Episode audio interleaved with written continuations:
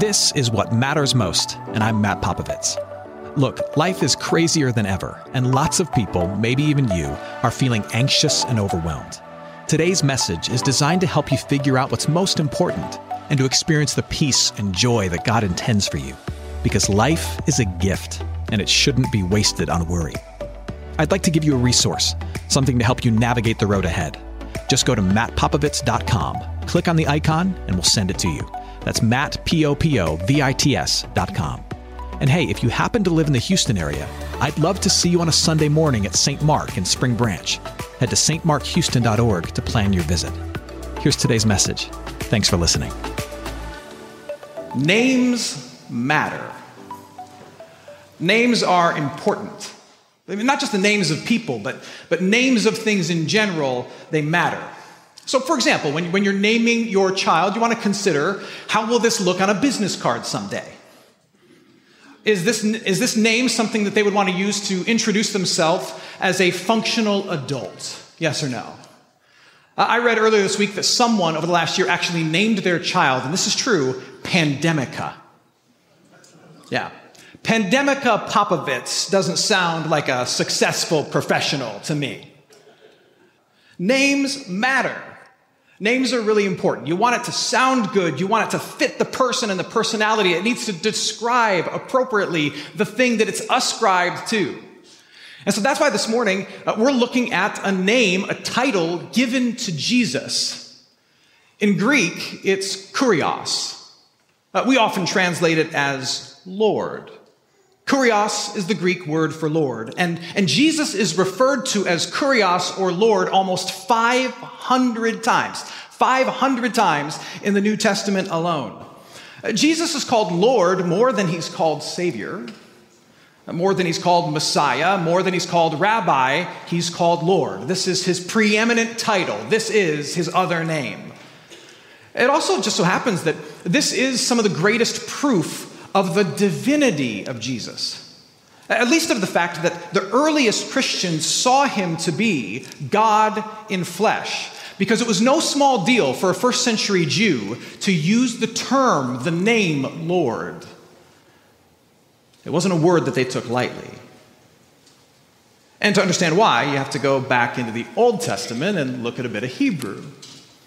So, when God introduces himself in the Old Testament, he gives himself a name. He names himself Yahweh, which roughly translated means the one who is. But over the course of time, Jewish people began to think that this name itself, the literal name, was so holy, so pure that it couldn't be on human lips. And so they stopped saying it altogether. And so rather than say Yahweh, every time it was supposed to be spoken, every time it was written in a scroll, they used a different word. Because they didn't want to say Yahweh, they used a different Hebrew word. They used the word Adonai, which is the Hebrew equivalent of Lord. And so then it follows that over the course of time, that word, either Adonai or Kurios, the word Lord, equaled something very specific in the hearts and minds of first century Jewish people. To say Lord was to say the name of God. Lord equaled God. So in Exodus chapter 20, which we just read, let me give you an example of this. Verse 1 And God spoke all these words, saying, I am the Lord your God. If you look at the original text, it actually says, I am Yahweh, your God. But the habit, the tradition developed to say, Lord instead. So when Jesus is called Lord 488 times in the New Testament, what are they saying? Are they saying Jesus is a good teacher?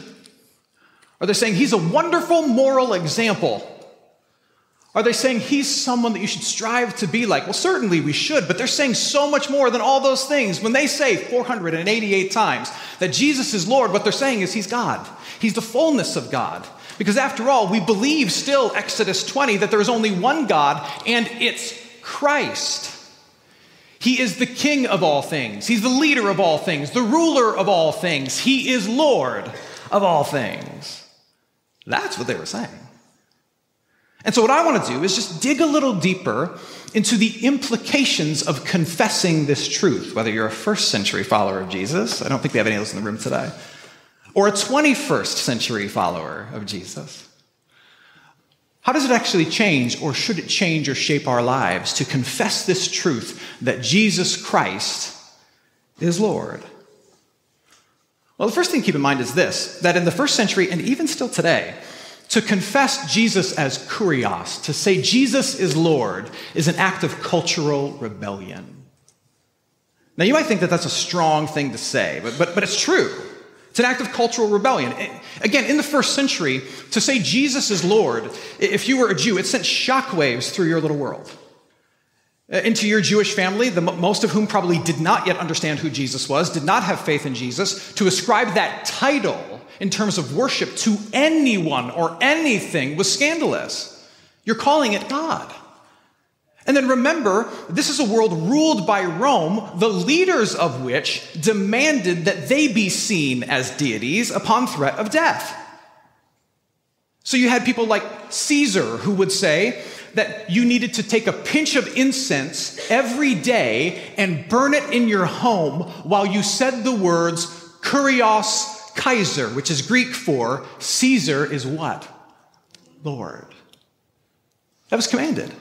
Burn some incense, say Caesar is Lord. You can have your gods as long as you recognize that he's God. When Domitian became emperor of Rome, he claimed a special title for himself. The title in Latin was this Dominus et Deus Noster, which translates our Lord and our God.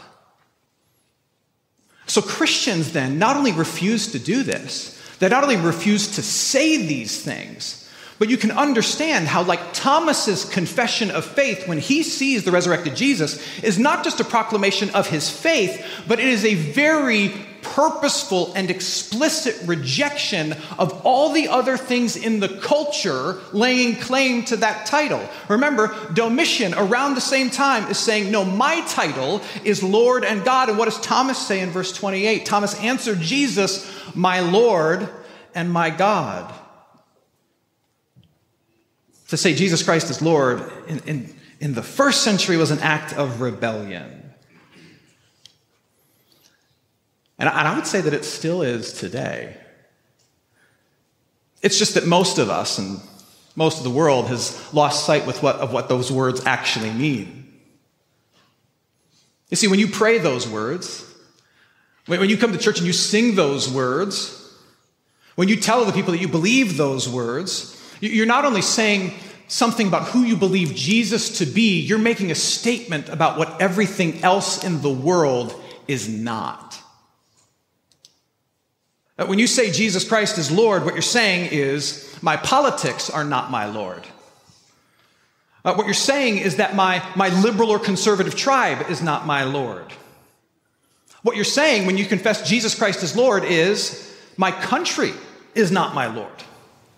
My career is not my Lord. Even my family is not my Lord. Not my bank account, not my passions, not my sexuality, not my journey towards self actualization, not my love and obsession with me. None of the things that we celebrate and we sacrifice for in this modern world, none of these things are Lord. None of it's Lord. I'm rejecting the lordship of everything other than Christ. That's actually what you're saying when you say Jesus Christ is Lord. And I tell you, if you really had a grasp of what you were saying, and the world had a knowledge of what you were saying to its face, there would be much more resistance.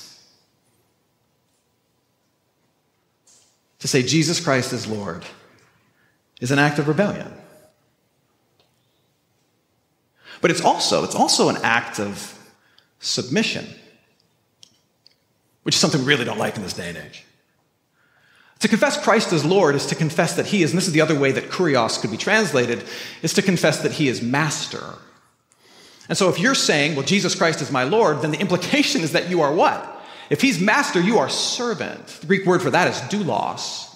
If He is kurios, you are doulos. If He's the Lord, then you're the servant. And to be a servant is to say, my whole life is not my own.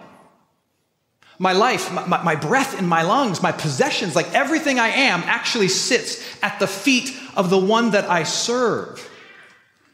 Now, you want to talk about a countercultural idea today. You see, we live in a day and age where, where freedom is one of the lords that we worship. Now, don't hear me wrong, I love freedom. I'm a big Fourth of July guy, love freedom. But we live in a time where freedom becomes an idol. And I know you think, well, how can it be? Oh, it can be. Just watch what happens when you or anybody else does something that, in the eyes of the rest of the world, squashes somebody else's right to do whatever they want, however they want. When you do that, when you get in the way of someone else's right to do whatever they want, however they want, in whatever way in which they define it, that is the gravest of cultural sins in our day and age. Now, certainly our God values freedom, but, but our God understands freedom in a very different way than we do. The Christian faith defines freedom not as the absence, the absence of rules or restrictions, but but our God defines freedom like this it's not about grabbing all of the rights and privileges you possibly can, it's about having the right relationship. You see, what the rest of the world can't see because kind of the scales haven't fallen from its eyes just yet, but what you can see by the power of the Holy Spirit is that everybody has a Lord. In the words of the great prophet Bob Dylan, you got to serve somebody. It's not a matter of if you'll have a Lord, but which Lord do you have? And so, in the context of the Christian faith, real freedom, real liberty is found in submitting your whole life to the right Lord. You know, Christians sometimes wonder what they would do if it ever came to the point where they were threatened with death unless they, unless they walked away from their faith or denounced Christ. Now, I happen to think that, that most followers of Jesus would do well under that pressure. I think we would. In part because God explicitly promises to give us His Holy Spirit in those moments, to give us words in those moments, to give us strength to stand in those moments. And I think He keeps that promise. I, I think the much more difficult thing is not the heroic act, single act of confessing Christ. I think the, the more difficult thing are the thousand little acts of daily submission to Christ. And that's the place where most of us, myself included, we prove ourselves to be really, really unfaithful. I mean, it's one thing to say that he's Lord, it's another to submit your weekend to him and be here on a Sunday. Congrats, by the way. or to submit the way in which you want to treat that guy at work that you can't stand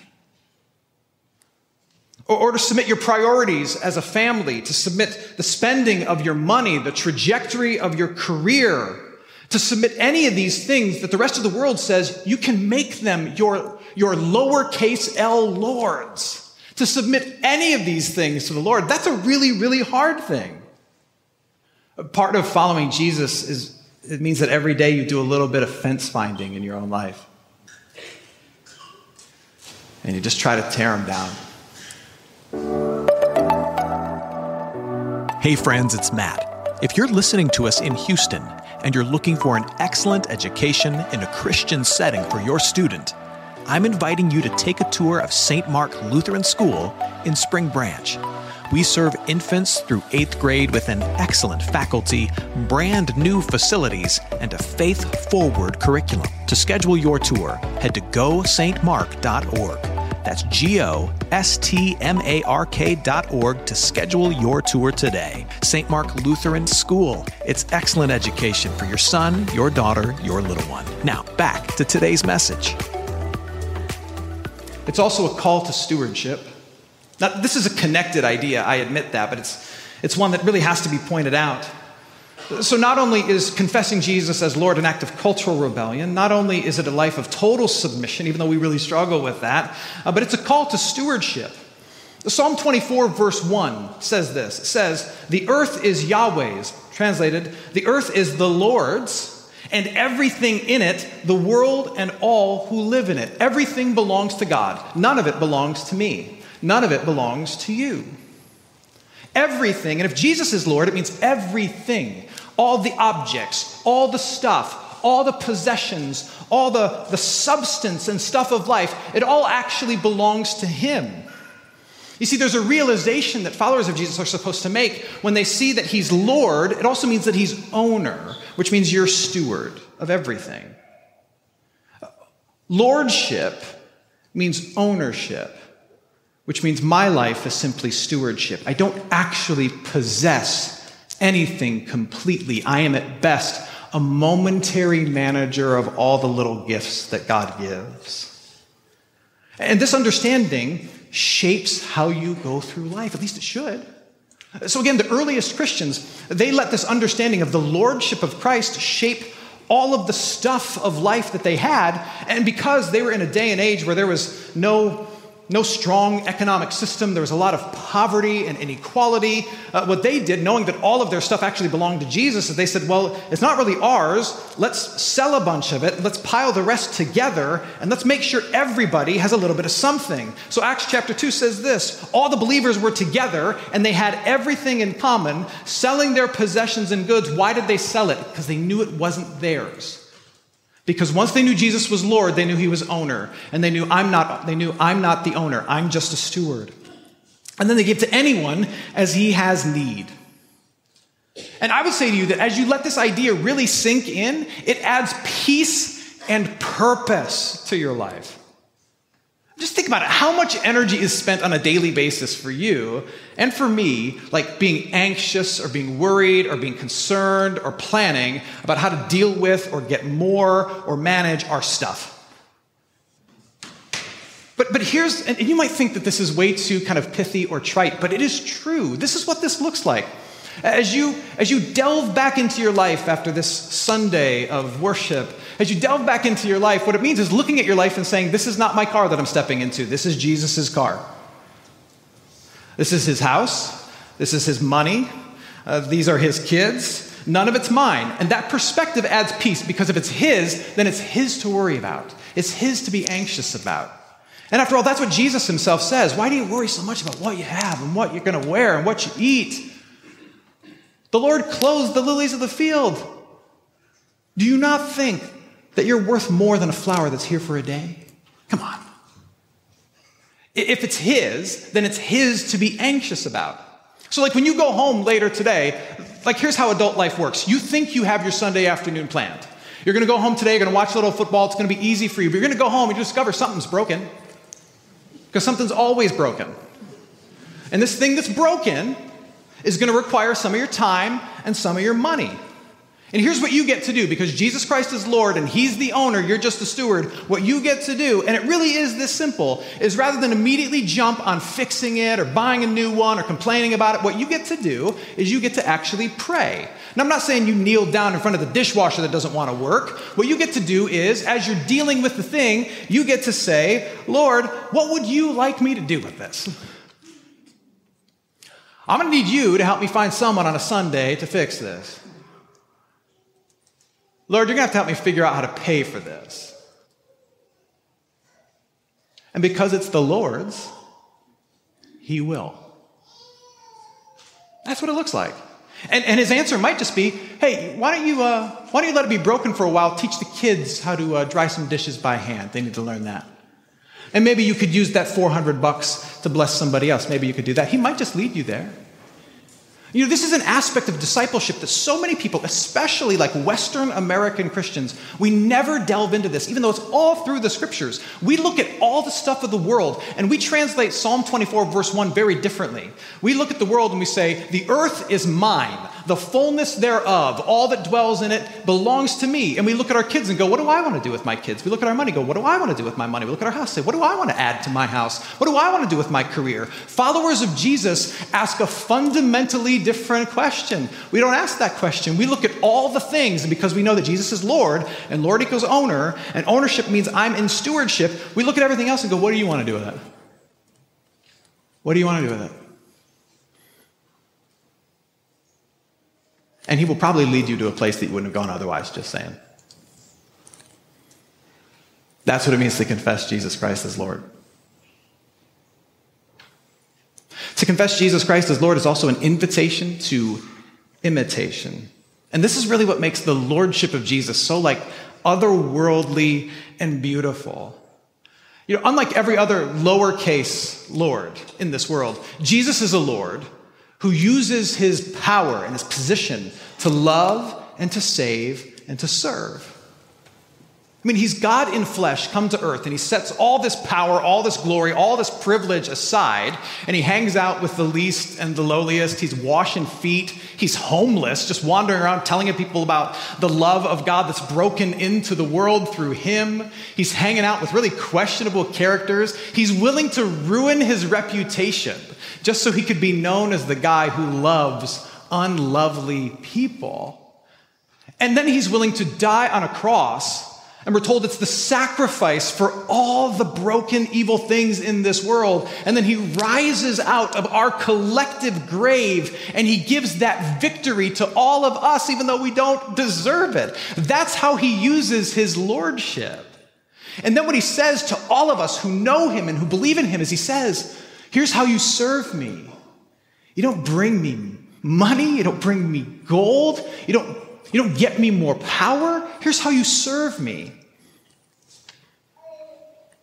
You love like me. You sacrifice like me. You reach out to the unwanted and the lowly and the least like me. He says, You can be like me, though I am the Lord. What? Which, which line are you in? Which crowd are you clamoring to be a part of? you can be like your Lord. We can spend a lot of time talking about what the implications were for first century followers of Jesus, but the big point I'm trying to make with you today is this. We can talk about what it means to them to say Jesus is Lord. What does it mean to you? To say it, to confess it, to live. Like, what does it mean to you? What it means is you, you reject all others. You submit all things. You steward all gifts. You imitate his love. That's what it means. Uh, William Willimon, the, the pastor and theologian, he, he, he wrote one time about a parishioner of his who was dying. Uh, a man who was kind of rarely at church, kind of always on the fringes, but never really fully committed to, uh, it seemed, Christ or the church or anything like that. And yet, as he was dying, he called for Pastor Willimon to come to him and see him. And when the pastor came to see him, this man told him a story that Willimon said haunted him for his life, haunted the pastor. Uh, the man told him that early in his life, he had seen what he believed to be a vision of the resurrected Jesus. Much like Thomas's encounter in the Gospel of John, he, he saw Jesus resurrected appear to him, holes in his hands and everything. And it was as vivid and real as anything else he'd ever experienced in life.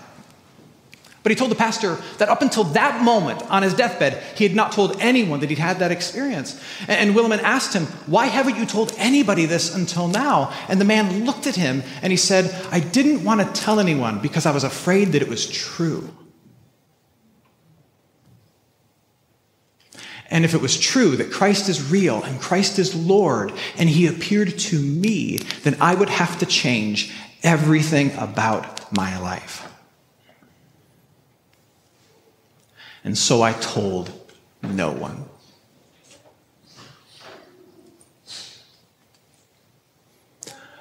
Christ is real, and He is Lord, and He has come to you.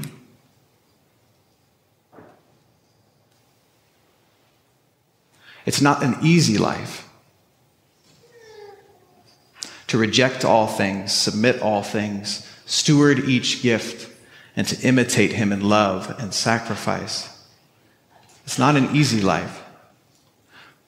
But my question for you to wrestle with is would you step just a little bit deeper into that life? Just a little bit.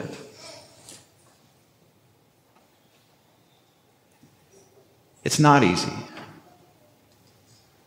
But what you might find is that it's better.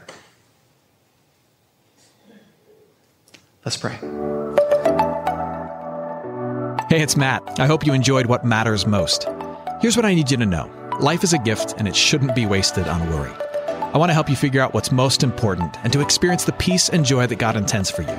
So, for more content, you can head to mattpopovits.com. That's Matt, P O P O V I T S.com. There, you can also support this ministry as well as access your free resource, a little something to help you navigate the road ahead. I'd also love to see you on a Sunday morning. If you're in the Houston area, head to stmarkhouston.org to plan your visit. In the meantime, hit me up on Instagram at mpopovits or at facebook.com slash Matt Popovits Ministries. Thanks for listening. Now go and hold tight to what matters most.